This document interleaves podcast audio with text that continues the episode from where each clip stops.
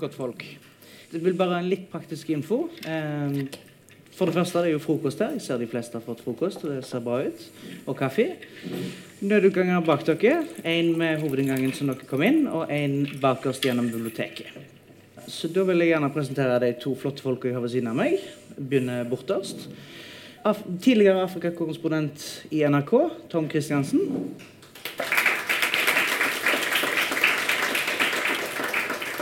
Og nærmest meg eh, forsker i, ved Christian Michelsens institutt, eh, Louise Aalen. Da er det slik i dag at vi skal ha en liten samtale her oppe. Og så når den samtalen eh, har vart i en 40-45 minutter, så åpnes det for spørsmål i salen. Så da tenker jeg at vi begynner Altså Tematikken i dag er da fredsprisen og eh, Etiopia. Og jeg tenker egentlig bare at vi begynner helt sånn helt på. Hvem fikk fredsprisen, og hvem er han? Og jeg tenker du kan få begynne. Ja. Jeg tror eh, nok alle har fått med seg at fredsprisen i år gikk til Abiy Ahmed, statsminister i Etiopia. Han har bare vært statsminister i ett og et halvt år. Eh, og han fikk jo prisen av tre grunner. Eh, at han har fått til en fredsavtale, eller en deklarasjon for fred med Eritrea. Han har jobbet for fred i ulike prosesser på Afrikas Horn. Og så har han satt i gang politisk liberalisering i Etiopia. Ja. Eh, denne krigen med Eritrea som han har fått prisen for, eh, den har jo vart i ca. 20 år. Men har det vært krig? Har det vært krigshandlinger i 20 år? Vil du kommentere på det?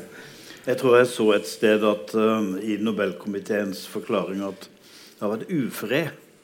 Altså Det har ikke vært fred, men det har vært ufred. Men det har vært heller ikke krig. Det har vært episoder. Og så er det sånn at ufred er jo stundom like ille som krig.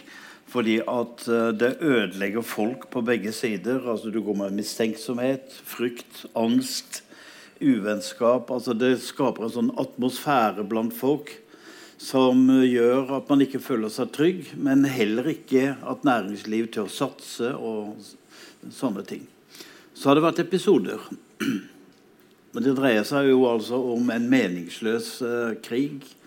Om ei steinrøys mellom Eritrea og eh, Etiopia. Intet mindre. Og så er det selvfølgelig mye også spørsmål om adgang til havet og sånne ting. Men det er liksom blant noen av de mer meningsløse kriger eller krigstilstander, ufreder, som vi har.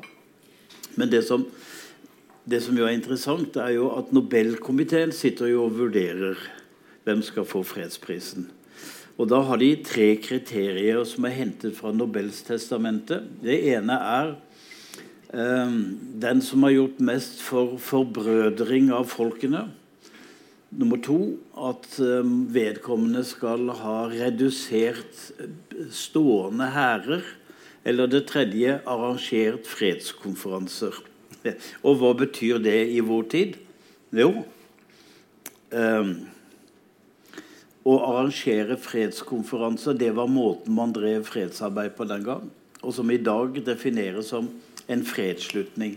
Og når det plutselig dukker opp en fredsslutning mellom to nasjoner, så er man jo virkelig i midten av Nobels testamente. Og så alt det andre som Etiopia holder på med, med av regionen, med, som jo går på forbrødring, altså fredsarbeid i regionen. Så det var liksom den perfekte vinner. Men Nobelkomiteen må jo også ta noen andre hensyn. Kommer dette til å vare? Hvis alt dette kollapser, da er det ikke bare statsministeren som står igjen med skamma, men også Nobelkomiteen. Men, men altså, for å slutte fred så må du jo ha du må ha begge sider av konflikten. Hvorfor har ikke president i Eritrea, Isias Afewerki, eller hvordan du uttaler navnet hans, fått, uh, fått prisen med han? Ja, det skulle tatt seg ut. Ja. ja Isaias Afwerki, han eh, det er jo ofte, Eritrea er ofte sitert som Afrikas Nord-Korea.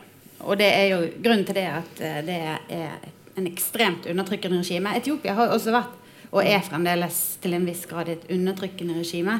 Men Eritrea har hatt stående mobilisering av hæren. Mm. Eh, altså De har hatt obligatorisk nasjonaltjeneste for alle borgerne i landet. Eh, og eh, Isaias har brukt krigen mot Eritrea som en unnskyldning for å drive denne undertrykkelsen. Og han gikk nok ikke inn på en fredsavtale med Abiy fordi han ønsker nødvendigvis fred. Men dette var et spill eh, som han har eh, med tigrianerne, som eh, har styrt TPLF, som har vært den dominerende kraften i Etiopia fram til Abiy kom. Når han så at TPLF ble skyflet ut, så tenkte han nå, nå kan jeg slutte fred med Etiopia. Og nå kan jeg bruke fredsavtalen som en måte å holde TPLF utenfor. Fordi det var hovedmotstanderen i grensekrigen fra 1998 til 2000. Vil du oppklare hva TPLF er? Tigray People's Liberation Front. Som, altså, regjeringspartiet Etiopia består av fire etnisk baserte partier, der TPLF har vært en dominerende kraft. Og så har du et romerparti, som Abiy leder, et amhara-parti og et sørparti, som er en konglomat av mange forskjellige små etniske grupper i Sør-Etiopia. Og de eh, er regjeringspartiet som nå sitter ved makten, og som Abiy leder. Men det går jo også an å si at eh, siden det skal to til for en fredsavtale, så burde begge fått fredsprisen.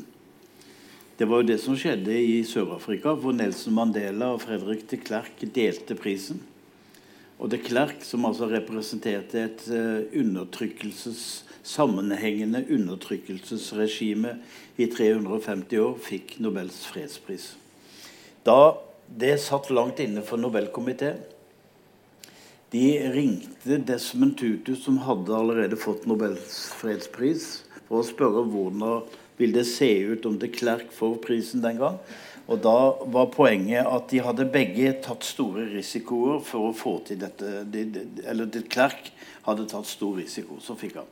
Men da Colombias eh, president Santos fikk fredsprisen for to år siden for å ha inngått en fredsavtale med FARC, da fikk ikke FARC fredsprisen. Simpelthen fordi det var altså en, en, en terrorbevegelse. Og ingen ville forstå om uh, Eritreas president hadde fått Nobels fredspris. Da hadde det på en måte blamert hele Det var ikke han som gjorde den innsatsen. Han ble bare med på det. Mm. Og så har han jo heller ikke altså, Freden med Etiopia har ikke ført til noen endringer i Eritrea. Altså, det er ingen tegn til noe som helst åpning, eh, dessverre. Ja, det er kanskje det viktigste. Ja. For Abby har vel òg fått prisen litt for det han holder på med internt. Men, eh, men, hva har han egentlig gjort internt i Etiopia? Siden han kom til makten i, i april 2018, så har han jo gjort uh, veldig mye. Um, han har jo sluppet løs mange politiske fanger. Det begynte faktisk statsministeren som satt før han med å gjøre. For det var en del av en sånn intern reformprosess i partiet.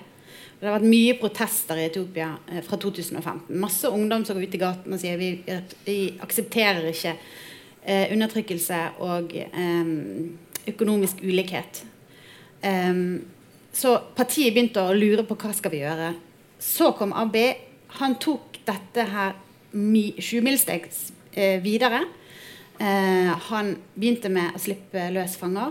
Han inviterte hjem Tusenvis. Tusenvis. Titusenvis. Altså, under protestene fra 2016 til 2018 så var det jo ja, vet, Det er veldig vanskelig å vite hvor mange politiske fanger som ble arrestert. Eh, men eh, det kan være 10 000, det kan være 30 000, det kan være kort. En ukes eh, arrestasjon, det kan være månedsvis. Disse, disse, og folk som hadde sittet lenge i fengsel, ble sluppet fri. Eh, de inviterte hjem igjen opposisjon som hadde vært i eksil. Mange av de hadde faktisk vært i Eritrea. Eh, og han begynte å revidere lover som før hadde innskrenket pressefrihet eh, og en veldig undertrykkende terrorlov eh, osv. Og, og en sivilsamfunnslov. Og så utpekte han en tidligere opposisjonell som også hadde sittet i fengsel etter 2005-valget, som leder for valgkommisjonen. Veldig sterkt symbol. En tidligere sivilsamfunnsaktivist, kvinneaktivist. Hun ble høyesterettsdommer. Um, og så fikk han jo halve regjeringen som som eh, er kvinnelige ministre. Eh, så mange symbolsk viktige ting. Og, og selvfølgelig viktig i seg sjøl at man slipper løs fanger. Så jeg tror ja, han fikk... Og politiske partier som var forbudt. Ja, de kom tilbake. De kom tilbake. Ja. Så jeg tror Jeg husker når de begynte å slippe ut eh, politiske fanger. Jeg trodde ikke på det. Fordi Regjeringspartiet som satt ved makten fra 91, EPRDF, som de heter, Ethiopian People's eh, Revolutionary Democratic Front, de hadde aldri innrømmet at det fantes politiske fanger i Etiopia. Og så slapp, begynte man å kalle det for politiske fanger og slippe de løs. Jeg trodde ikke på det. Så, så jeg Ja. Jeg, og mange etiopere er utrolig glade for det som skjedde. Jeg, jeg husker jeg satt i nyhetsredaksjonen i NRK og så de meldingene komme om at han skulle løslate de politiske fangene. Ikke noen politiske fanger, men de politiske fangene. Så jeg ringte med en gang til NRKs korrespondent i Nairobi og sa du må lage en sak på dette. Og han meldte tilbake og sa nei, jeg gjør ikke det. Jeg tror ikke på den der meldinga. Det, det, er bare altså det er, det er, Tom, du veit jo det. Det er jo sånn som folk sier. Jaha, så vi dekket ikke det.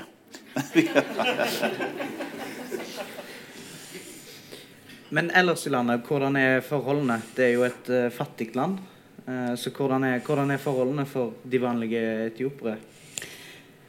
Det er jo et land med 100 millioner innbyggere og 80 forskjellige språkgrupper eller etniske grupper. Eh, vi, snakket, vi treftes i går og snakket litt om hva er på en måte inntrykket av Etiopia for de som sitter i Norge. Og da er jo oss som eh, husker 80-tallet, så er det jo sult og Band Aid og Live Aid og Do They Know It's Christmas. Men Etiopia har jo endret seg veldig mye. Eh, det er jo det landet i verden som har hatt sterkest økonomisk vekst uh, de siste årene. Begynte selvfølgelig veldig lavt, og da får jo man en prosentvis økning som er stor. Um, men det som har skjedd i Etiopia etter AB, er jo at eh, mye konflikt har blusset opp igjen. Som har vært undertrykt under EPRDF eh, fra 91. Sånn at det er mer uro nå enn det var like før Abiy kom til makten. Og etiopere er, mange etiopere er veldig glad for Abiy. Veldig begeistret, men de er veldig bekymret for situasjonen i landet. Så det er et stort paradoks, dette her. Og, men jeg er likevel glad for at han fikk fredsprisen. Fordi jeg mener at altså vi over, kan overvurdere virkningen av fredsprisen. At den kan velte et lass. Men jeg velger å tro at hvis han gjør noe, så gir han Abiy Ahmed mer legitimitet uh, og styrke til å fortsette den prosessen han har startet. Det er veldig interessant det, det du nevner der. fordi Hvordan skal man tolke det? Altså, det er mer konflikt nå enn før han begynte, denne fredsprisvinneren.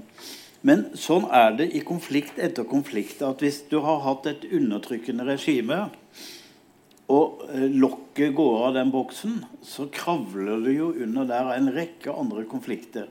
Da Sovjetunionen ble oppløst, så krydde det jo av konflikter i hele beltet under Russland. Og, og, da kunne man si at hvorfor i all verden skulle Gorbatsjov få fredsprisen? Se på all den uroen han skapte. Nei, han skapte ikke den.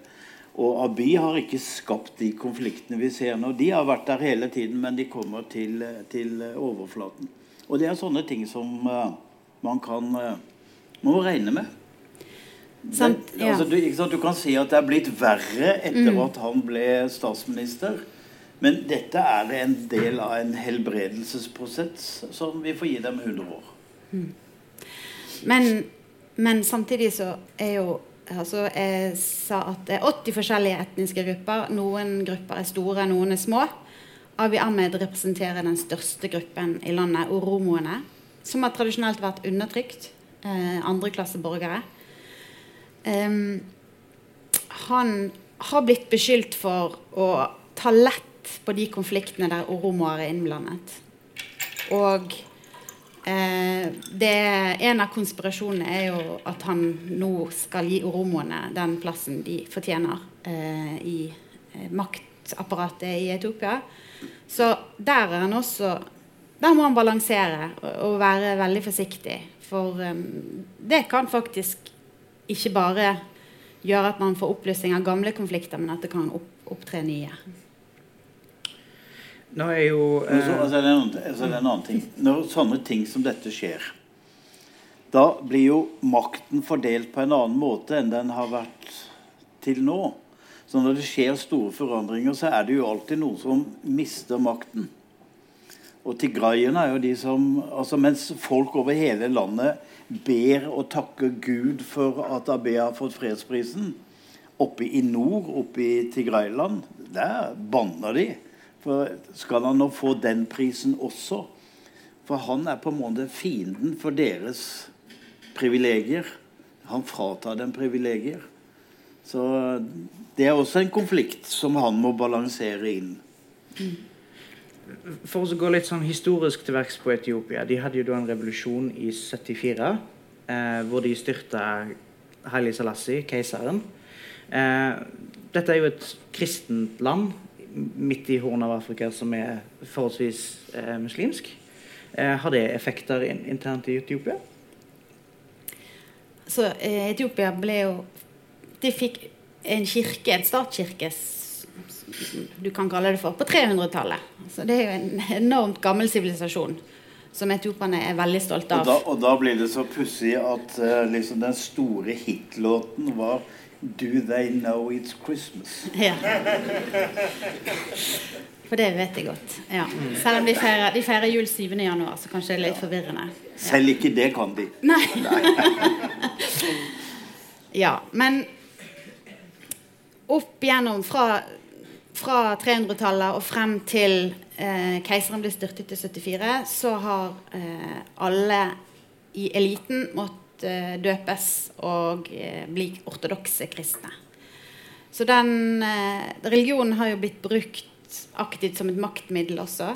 Og muslimer, som er en tredjedel av befolkningen, har eh, nok vært andreklasseborgere. De har hatt lite rett til land, de har vært ofte forretningsfolk. Og de har innfunnet seg med den rollen opp igjennom, sånn at man egentlig har ikke fått så veldig mye konflikt mellom kristne og muslimer.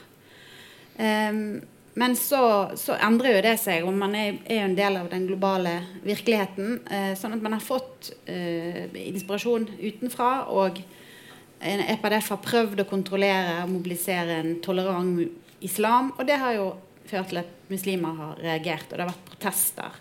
Eh, muslimske protester fra 2013, nei, 2011. Ehm, så det var, først, det var liksom første eh, runde med protester som egentlig kulminerte med at Abiy kom til makten. Men Abiy er jo en veldig interessant person. Eh, han er jo, som dere hører, han har et muslimsk navn.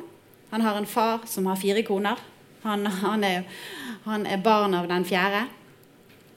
Ehm, Og faren er Romo. ja, faren er oromo. Eh, moren er amhara, eh, kristen ortodoks. Eh, og han har jo sjøl vært en forhandler i eh, konflikter mellom kristne og muslimer i området der han kommer fra. Og det var kanskje det første på en måte eh, eh, Ja, han har jo doktorgrad i det. ja, han har doktorgrad i det, i konfliktstudier eh, fra Addis Ababa universitetet. Så han er på en måte en personifisering av den, den, eh, den eh, identiteten som etiopere ønsker å fremstille seg som. Altså den inkluderende eh, inkluderende identiteten som innebærer at man lever fredelig, kristne og muslimer. Men, men det er jo og så er han litt sånn pinsevenn sjøl. Oh, ja, og de pinsevenn. har jo gode talegaver. Ja.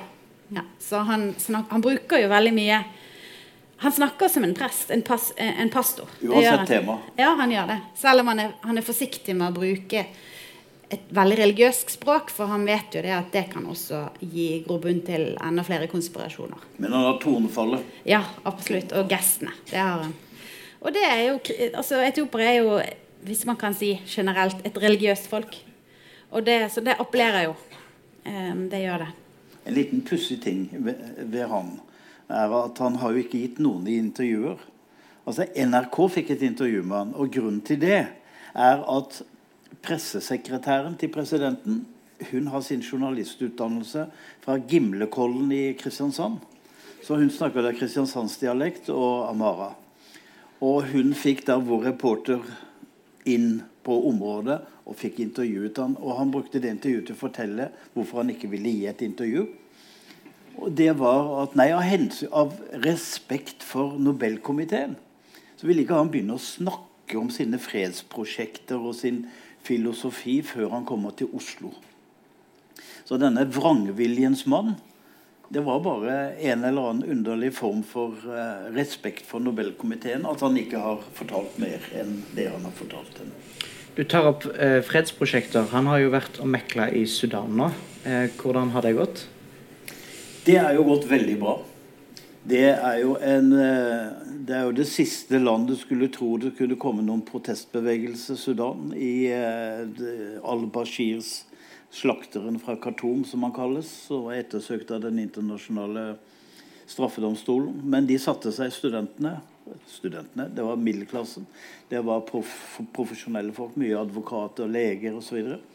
Foran militærets hovedkvarter og demonstrerte, og det har ingen tort å gjøre før. Så ble de støttet av det militære, men så ble altså 130 av dem da skutt underveis i prosessen. Og da griper Abi inn og får prosessen på beina igjen. Og han har også vært inne i andre prosesser, både i Sør-Sudan og i Djibouti og i forhold til Somalia, som gjør at han eh, regionalt blir sett på som eh, en mann å stole på. Eh, og som også komiteen har lagt vekt på. Han, han, har jo blitt kjent som en mann som, som bedriver kyss og klem-diplomati, faktisk. Han er en ukonvensjonell leder. Eh, jeg så sist eh, han var i Juba i forrige uke. Der står Salwa Kiir med sin cowboyhatt, og Abiy kommer og klemmer han. Han vet ikke helt hvordan han skal reagere. Nei, det er ikke vanlig der. Nei, så han er jo en utradisjonell leder. Eh, og det kan godt være at det åpner noen dører, men selvfølgelig, han har jo eh, i ryggen eh, det at Etiopia er en stormakt på Afrikas Horn. Um, og det har det jo vært fra tidlig, under Haile Selassie. Haile Selassie var jo instrumentell i etableringen av den afrikanske unionen. Og den hovedsetet til afrikanske unionen ligger jo i Addis Ababa. Um, så det at han nå kan spille en sånn rolle, det er jo ikke bare hans kyss og klem-diplomati, det er også Etiopia som stormakt. Hva, hva var den der historien med de soldatene på kontoret hans? Ja, det var vel Det er ganske også Kanskje ikke Det, det er pushup-diplomati. Ja, ja. ja. Uh, nei, altså han har jo blitt utfordret. Um, og noe av klagemålet har jo vært uh, fra de militære at de var misfornøyd med lønnsbetingelsene. Så jeg husker ikke om Det kom en hel bøling med soldater til eh, statsministerpalasset og ville snakke med statsministeren. Og det var en ganske kritisk situasjon som kunne faktisk ha eh, utartet til et kuppforsøk. Der han går i møte med dem og snakker med dem. Og til slutt så ender det opp med at Jeg vet ikke dialogen, men Eh, dere kan se det på Dere er i dårlig form, ja, eh, sier han. Ja, akkurat. Så han legger seg ned, tar pushup og får alle de andre soldatene rundt til å gjøre det samme. Det er veldig fascinerende. Så, det er helt så. fantastisk møte. ja. Må bare ta og google det, altså. Ja. Abi og pushup, så får du det. Ja. Så jeg bare syns jeg jeg kunne aldri sett for meg Melle Zenawi, som var statsministeren fra 91 til han døde i 2012, gjøre noe sånt. Heller ikke Haile Selassie. Så han, jo, han, tjener nok på at han tør å være en ukonvensjonell leder. Men, men, spørsmålet er jo eh, Som mange stiller seg, er jo Kan han lene seg på dette? Altså er han for personlig i stilen sin? Er han for lite institusjonell? Får han til varige endringer? Så det er, det er jeg veldig spent på. Og den, uh, valget som skal være i Etiopia til neste år, 15. mai 2020, det vil jo være en stor test uh, på er det, er det... Du, du, kan jo se at det der, måten han opptrer på, åpner jo dører. Men det er jo ikke nok med ei åpen dør. Altså det må, det må, skje noe mer enn at uh, låsen er gått opp. Og det krever jo mye av alle disse andre tingene som du, du nevner. Men han kommer jo Han seiler jo inn på et teppe av medgang, da, på et vis. Fordi at nå har vi beskrevet uh, dette fattige landet, Etiopia. Men altså, de uh, har jo en økonomisk framgang som er helt imponerende. Eh, sju av ti jenter går på skolen. De bygger 30 universiteter. De bygger jernbaner og, og eh, motorveier. Og de har til og med Han kunne til og med innvie Bybanen i eh, Addis Abeba. Altså den første T-banen i Afrika. som gjør revolusjonerende ting med transporten til og fra ikke bare biler, men også folk som kommer seg på arbeid osv. Og, så og revet masse slumbebyggelser, bygd sånn sånn en sånn lite Fyllingsdalen i stedet for. Og, men dette får han litt gratis, da. Det var jo påbegynt for lenge siden. Men eh, for å snu fokus litt tilbake, for du sa at regjeringen hans eh, var ca. 50 kvinner. Eh, hvordan, hvordan, er kvinnerettigheter i Etiopia? De er jo da et kristent og ikke et islamsk land? Altså, jeg vil jo ikke si at det er et altså, det er, Du har hatt en majoritetsreligion som er ortodoks. Men likevel så er det jo et flerreligiøst samfunn, og du har mange lokalsamfunn der sharialoven er brukt. Eh, men altså, både den ortodokse og den muslimske tradisjonen er jo ekstremt patriarkalsk. Eh, og det er et ekstremt hierarkisk samfunn eh, der kvinner ikke har eh, hatt så mange rettigheter. Eh, tidlig ekteskap, barneekteskap er fremdeles ekstremt utbredt. Eh, og det er faktisk like utbredt i kristne områder som muslimske områder. Eh, kjønnslemlestelse er utbredt. 63% tror jeg, av alle kvinner. Både kristne og muslimer driver den praksisen. Um, men samtidig så, så har eh, Hvis du sammenligner etiopiske damer med damer fra Sudan, så har kvinner i Etiopia hatt eh, De har hatt opp igjennom, i hvert fall under dette regimet, hatt offentlige roller. Eh, de var med i frigjøringskrigen. Eh, og det er ikke ukjent at kvinner kan spille en offentlig rolle. Men fremdeles er det ekstremt mange utfordringer eh, i, det, i kjønnsrollemønster osv. Ja. Og, for du tok opp valget også. Det skal være valg 15. mai neste år.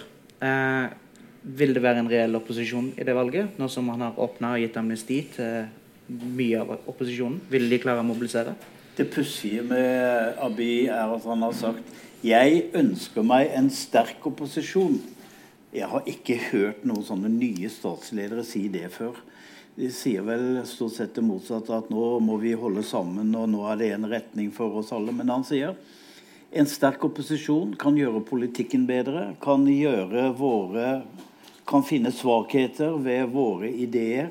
Og han snakker på en måte som eh, inviterer til det. Og han har jo også Altså de, de som virkelig kan angripe han, og som har dratt i eksil av, av slike grunner, de er jo nå invitert tilbake av han, slik at de kan skape denne opposisjonen.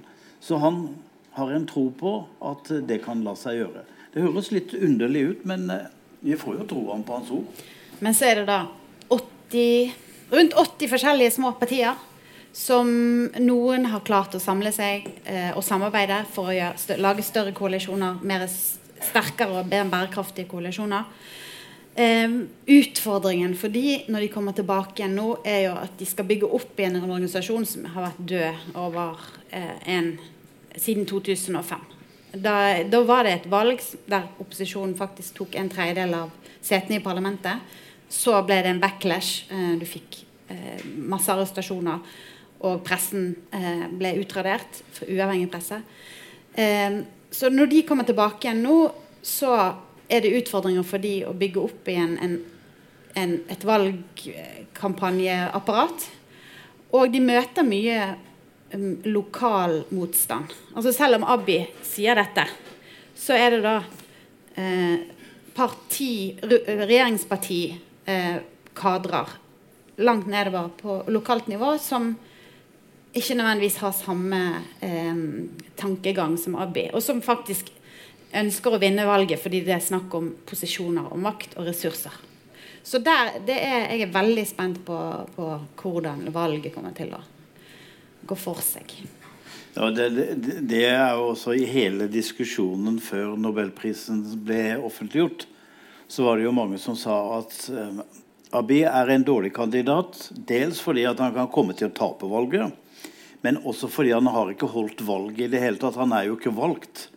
Og Hvorfor har han ikke bare satt i gang med å holde et valg raskest mulig? Det er jo på en måte kroneksempel på et demokrati, at det holdes valg. Men stundom er det sånn at du skal ikke gå rett på et valg.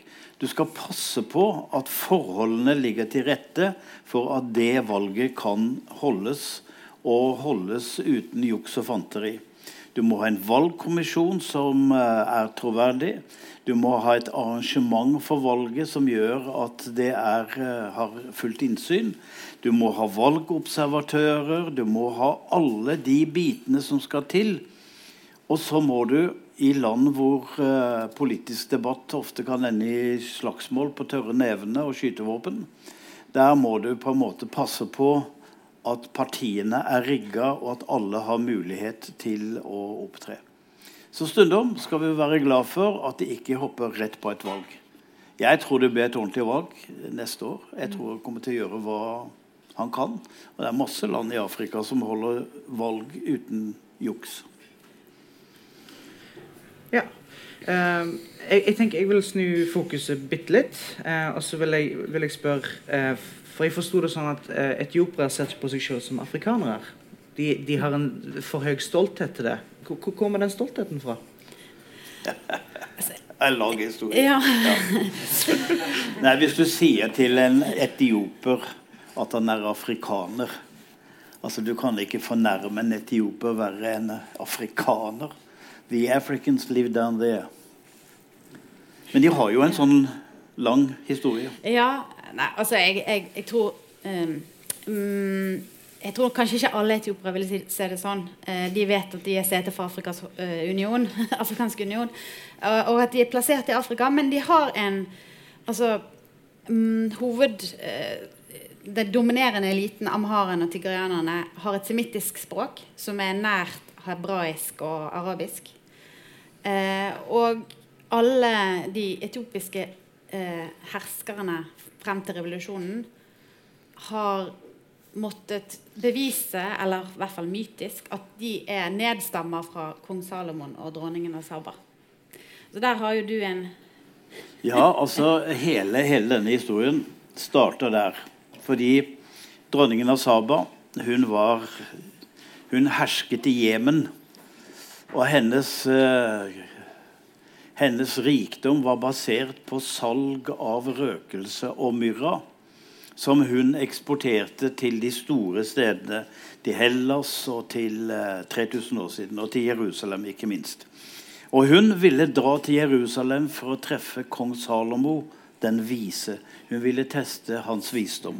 Hun dro dit med et stort følge med 800 mann og med kameler nordover gjennom hele Arabia og altså opp til Jerusalem, hvor hun traff eh, kong Salomo. Og hun testet ham. Det står i Koranens utgave av den historien at ryktene gikk om at hun hadde hårete legger. Og Dette ville kong Salomo finne ut ved at han la et lag med vann i palasset, slik at når hun kom, så måtte hun løfte skjørtet og da ville han kunne se om hun hadde hårete legger. Og jeg vet ikke om hun hadde det eller ei, men eh, han brøt avtalen Hun hadde fine gaver. Eh, han brøt avtalen om at eh, hun ikke skulle berøres, for hun ble gravid. Og når hun reiste tilbake til Jemen, så var det med Menelik på armen. Og Menelik var det jo ikke plass til, så han sendte de når han vokste opp, over til Abyssinia på den afrikanske siden. Abyssinia, som i dag heter Etiopia. Så Menelik ble den første keiser for 3000 år siden. Og når jeg forteller denne historien, så sier jeg historikere. Tom, da? Tom, da? Dette vet du jo ikke. Nei, det vet vi ikke, men altså, historien er for god til å droppe. Sånn at den første keiser var Menelik, og så var det den neste og den neste. Og de gikk i arv hele veien, helt til Haile Selassie. Og når Haile Selassie kom, da hadde jo masse skjedd i mellomtiden med at afrikanere var jo eksportert til eh, Amerika som uh, slaver. Og de kom til Jamaica. Og folk svarte på Jamaica hadde den ideen at det fins en svart Messias. Hvor er han, og hvem er han? Og så blir Haile Selassie eh, keiser i eh, Etiopia. Og så er de sikre på der borte i Jamaica Han. Det er vår Gud. Det er Messias, den svarte Messias. Han skal være det Jesus er for de hvite, skal han være for de svarte. Det interessante er at før Haile Selassie ble keiser, hadde han jo et annet navn. Han het Ras. Og det andre navnet var Tafari. Så hvis du har hørt om Rastafari noen gang, så er det det det dreier seg om. Men er det sant eller ikke? Det spiller egentlig ikke så veldig stor rolle i forhold til det at dette er det mytegrunnlag denne nasjonen har i eh, blodomløpet. Uh, og som er med på å gi dem en følelse av ikke å være en gjennomsnittsafrikaner, men noe ganske opphøyet. altså Kong Salomo, dronningen av Saba. Det er storslått. Men samtidig så, så har jo eh, man har hatt Altså, du har hatt spenninger, og du har hatt konkurranse om myter og narrativer i, internt i Etiopia òg.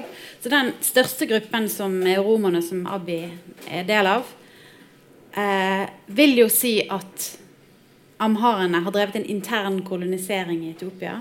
Eh, at eh, de, de, er ikke med på den, den opphøyde statusen som amharene har. Sånn at eh, jeg tror nok at Hvis vi hadde hatt et sterkere eh, møt, oppmøte av etiopere her i dag, så var det nok noen som ville reist seg og sagt dette.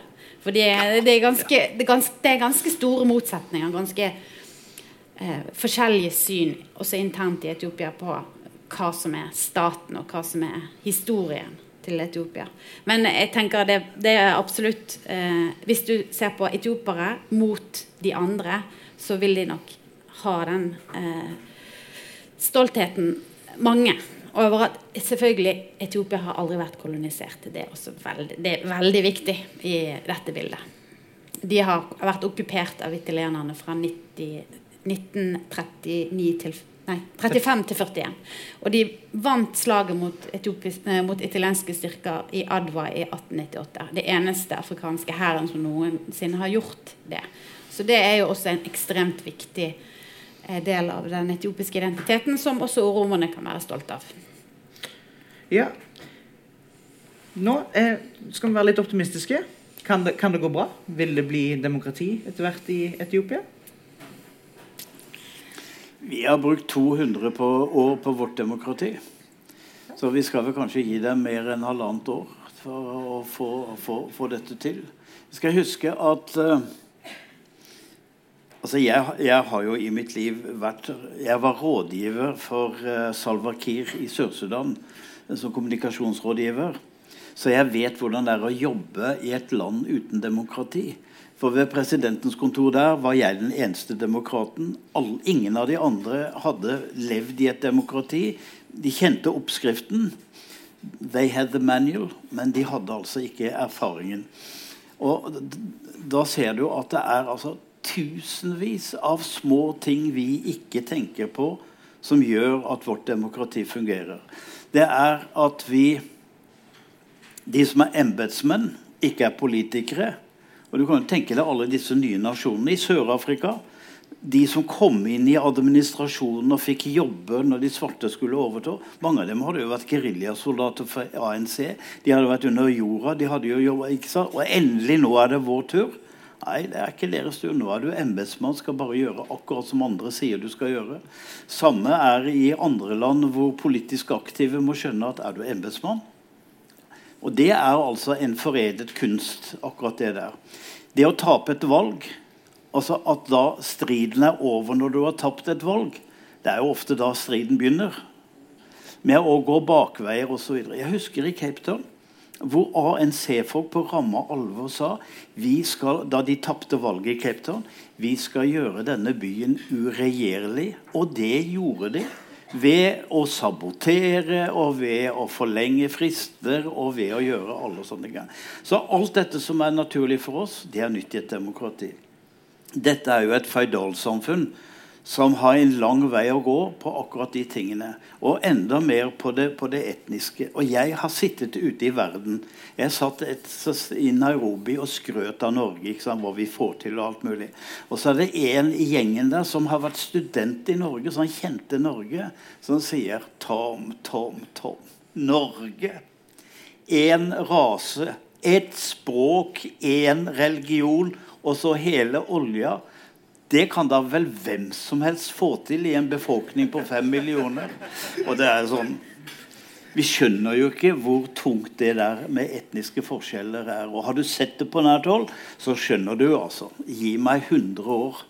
Hvis alt går i, rett, i riktig retning i 100 år, så kan man løse det.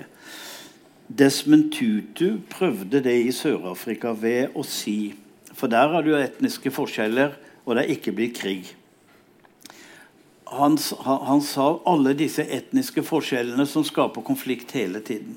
Det er jo dette som er regnbuen. Alle disse forskjellene gjør oss bedre. Vi er regnbuelandet. Og det er vel også det Abiy må, må, få Etiopia til å si. Se at de andre er andre farger i regnbuen. Um, han har jo nettopp lansert en bok eh, som heter medemmer. Og medemmer, det betyr på amharisk eh, addisjon, legge sammen. Eh, og det, det, er et tankesett som han prøver å utvikle, som han har snakket om fra han kom til makten. At eh, vi skal stå sammen på tvers av etniske skiller. Eh, at det ikke skal være et hierarki, sånn som det har vært gjennom hele historien. Og han, sånn at han på en måte I hans ord eh, og det han sier, så, så, er det grunn til å være optimistisk. Eh, men så er det mange snublesteiner underveis. Eh, og det er jo Jeg velger å tro at han faktisk mener det han sier, men så er det veldig mange hensyn han må ta, og det er mange spoilere rundt omkring. Det er oppe i nord, i Tigray. Noen har sagt vi går til borgerkrig. Eh, vi vil løsrive oss. Altså det ekstreme store utfordringer der. Og så er det små og store konflikter rundt i hele landet. Og hvordan han skal tøyle den store ungdomsbefolkningen. Eh, 70 eh, er under 30 år. Så det er jo, og mange av de har ikke arbeid. Eh, de har lite å tape på å gå ut i gaten og protestere. Eh, så, så, han har jo en enorm utfordring. Men, men eh, som sagt, han har fått til mye mer enn noen av de tidligere politiske lederne i Etiopias historie har fått til når det gjelder politisk liberalisering. Så, så det er jo grunn til å være optimistisk, da. Sånn snakker en afrikakjenner. Og de som ikke er gode nok afrikakjennere, de vil si at kan dette gå bra? Eh, all, fordi Du kan liste opp alle problemene han vil møte, som er en helt sann liste. Og så kan man si at eh, dette kan vel neppe gå bra det ligger en eim av sånn Kan afrikanere få til dette, egentlig? Jeg fikk en liten hilsen fra et medlem i Nobelkomiteen. For jeg sendte en SMS og sa at gratulerer med fredsprisen osv. Og, uh, og så fikk jeg et svar, og der står det 'Off the record' med versaler. Off the record. Hvis en europeisk statsleder hadde gjort det Abiy har fått til, hadde vi ikke nølt et sekund med å gi ham fredsprisen. Så de har altså nølt i Nobelkomiteen, da. Men det mm. Da skal vi åpne for spørsmål i Kan jeg bare fortelle en historie helt til slutt? En, du kan, det er greit. Du skal få en historie først. Den er ganske cool. og det er, mm. det er et forhold mellom Etiopia og Norge som er veldig pussig. Det er ikke bare at eh, Norad jobber der, men også at misjonen har vært der i mange år og drevet misjonsarbeid. Og så møttes kong Olav og Haile Selassie i London under krigen og ble venner. Og Haile Selassie kom til Norge i 1956 med en stor delegasjon. Han kjørte gjennom byen i åpen bil og delte ut gullmynter til barna, som jo ble helt ville. Så det var stor begeistring for uh, keiseren og Utenriksdepartementets bekymring for alt dette gullet. Men så var det en stor middag, og der ble direktøren for uh, Ethiopian Airways, det nye flyselskapet de hadde etablert og holdt på å bygge ut, sittende ved samme bord med noen norske bedriftsledere, bl.a. Freias direktør Holst.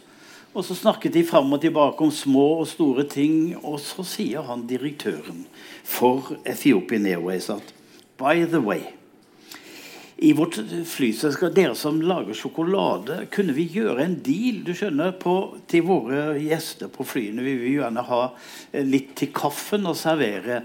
Eh, og du lager sjokolade. Kunne vi, vi, få noe sånn Kunne dere produsere for oss sånne små eh, konfektlignende sjokolader som var pakket litt pent inn? Og sånn og, og da sier Holstad ja, du, det tror jeg faktisk vi kan.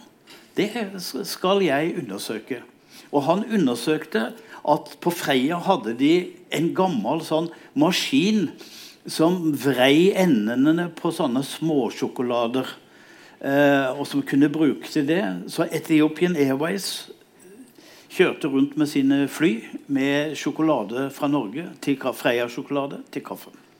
Siden fant SAS ut at de kunne gjøre det samme. Så fant Holst ut Kanskje vi kan selge dette til hvem som helst. Og fylte altså 36 småsjokolader i en pose. Og hva skal vi kalle den? Og da sa Holst Jeg vet hva den kan hete, fordi vi bruker jo den derre vrimaskinen. Skal vi ikke kalle det for Twist? Så ble det det. Twisten kommer fra Addis Abeba. Da åpner vi for spørsmål. Ja, eh, Vi har snakka om Abiy, at eh, han eh, driver med klemmediplomati og er en veldig trivelig fyr. Men har han en litt sånn streng, mørk side som vi ikke har fått trukket fram ennå? Vil du begynne med den? Han er jo helt eh, uomtvistelig et produkt av et, et autoritært eh, regime. Han eh, vervet seg til til eh, motstandskampen mot militærregimet som tenåring, eller tolvåring, tror jeg det var. Eh, så, så når, når dette, denne frigjøringsbevegelsen kom til vakten, ble han en del av det apparatet og har vokst opp i det. Han eh, var eh, soldat under Eritrea-Etiopia-krigen. Han eh, utviklet etter hvert en sterk interesse for cyberforsvar og var med å utvikle um, et sånn Hva heter det, da? Um, internettbasert um, etterretningssystem. Uh, han var jo også min teknologiminister en kort stund. Uh, så han Klart det at han, er, han, har, han har en sånn fortid. Uh, og det gjorde jo kanskje at, at han ble valgt også av partiet. Eh, fordi at han ble sett på som en trygg person som representerer partiets interesser på et, på et vis. Men så har det jo da skjedd, vil jeg si, en transformasjon av han. Eh, han har gått mye lenger enn det som var forventet. Når regimet startet denne interne reformprosessen for å holde på makten, det var jo det som var deres formål med å starte denne åpningen, de, hadde, de møtte massive protester. Eh, når han kom til makten, så har han gått lenger enn det som var nødvendig vil jeg si, for at regimet skulle overleve. Um, og så er det jo klart at han, han eh, Det er veldig spennende å se hvordan han utvikler seg. Eh, valget er jo viktig. Han er jo en, en, en leder som kan beskyldes for å være populistisk. Eh, og, og, og, det er spennende å se hvordan det utvikler seg. Altså Hva bor i et menneske av mørke ting? Altså Jens Stoltenberg er kjempeflink til å lage sildesalat. Men altså, hva driver han med egentlig i Nato? Altså, Hva fins i et menneske?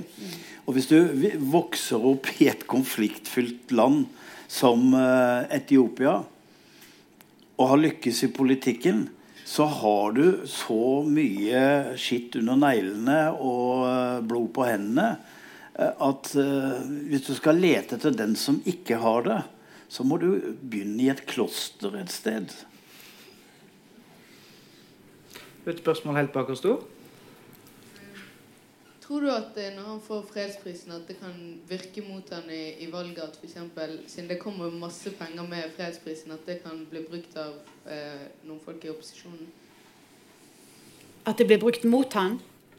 Altså, eh, det kan jo gjøre at fallhøyden blir kanskje større. Forventningene er jo store for det internasjonale samfunnet. Eh, og så er det jo kanskje noen som har argumentert med at eh, hvis han blir sett på som Vesten sin darling, så, så får han mindre legitimitet hjemme. Eh, men så langt så, så, så, har vi ikke sett noen beskyldninger om det. Eh, så, jeg er litt usikker på om det, det, vil, det kan få en sånn konsekvens. Eh, men andre har jo snakket om at fredsprisen kritikken til fredsprisen har vært at ikke nødvendigvis skjer sånne ting i eh, Etiopia, men i Eritrea. At eh, presset mot Isaias om å åpne opp øker fordi fredsprisen er gitt eh, det er blitt fokus på denne saken. Og vi vet at hvis Isaias eh, åpner opp, så vil regimet falle. Så han blir tvunget til å stramme inn enda mer. Eh, jeg, er, jeg, har ikke så god innsikt i eh, akkurat hva som skjer i Eritrea at jeg kan si at det vil skje. Eh, men det kan jo være en utilsiktet virkning. Eh, som jeg tror kanskje er enda sterkere i Eritrea enn Etiopia. Men her, her, kan man jo bare plukke. ikke sant? Hvis du vil kritisere han, så kan du gjøre akkurat det. At uh, det ble jo ikke fred i Eritrea, i nabolandet. Nei vel, men det ble fred i Etiopia. Eh, internasjonal politikk handler jo stundom også om alt det som ikke skjer, men som kunne skjedd.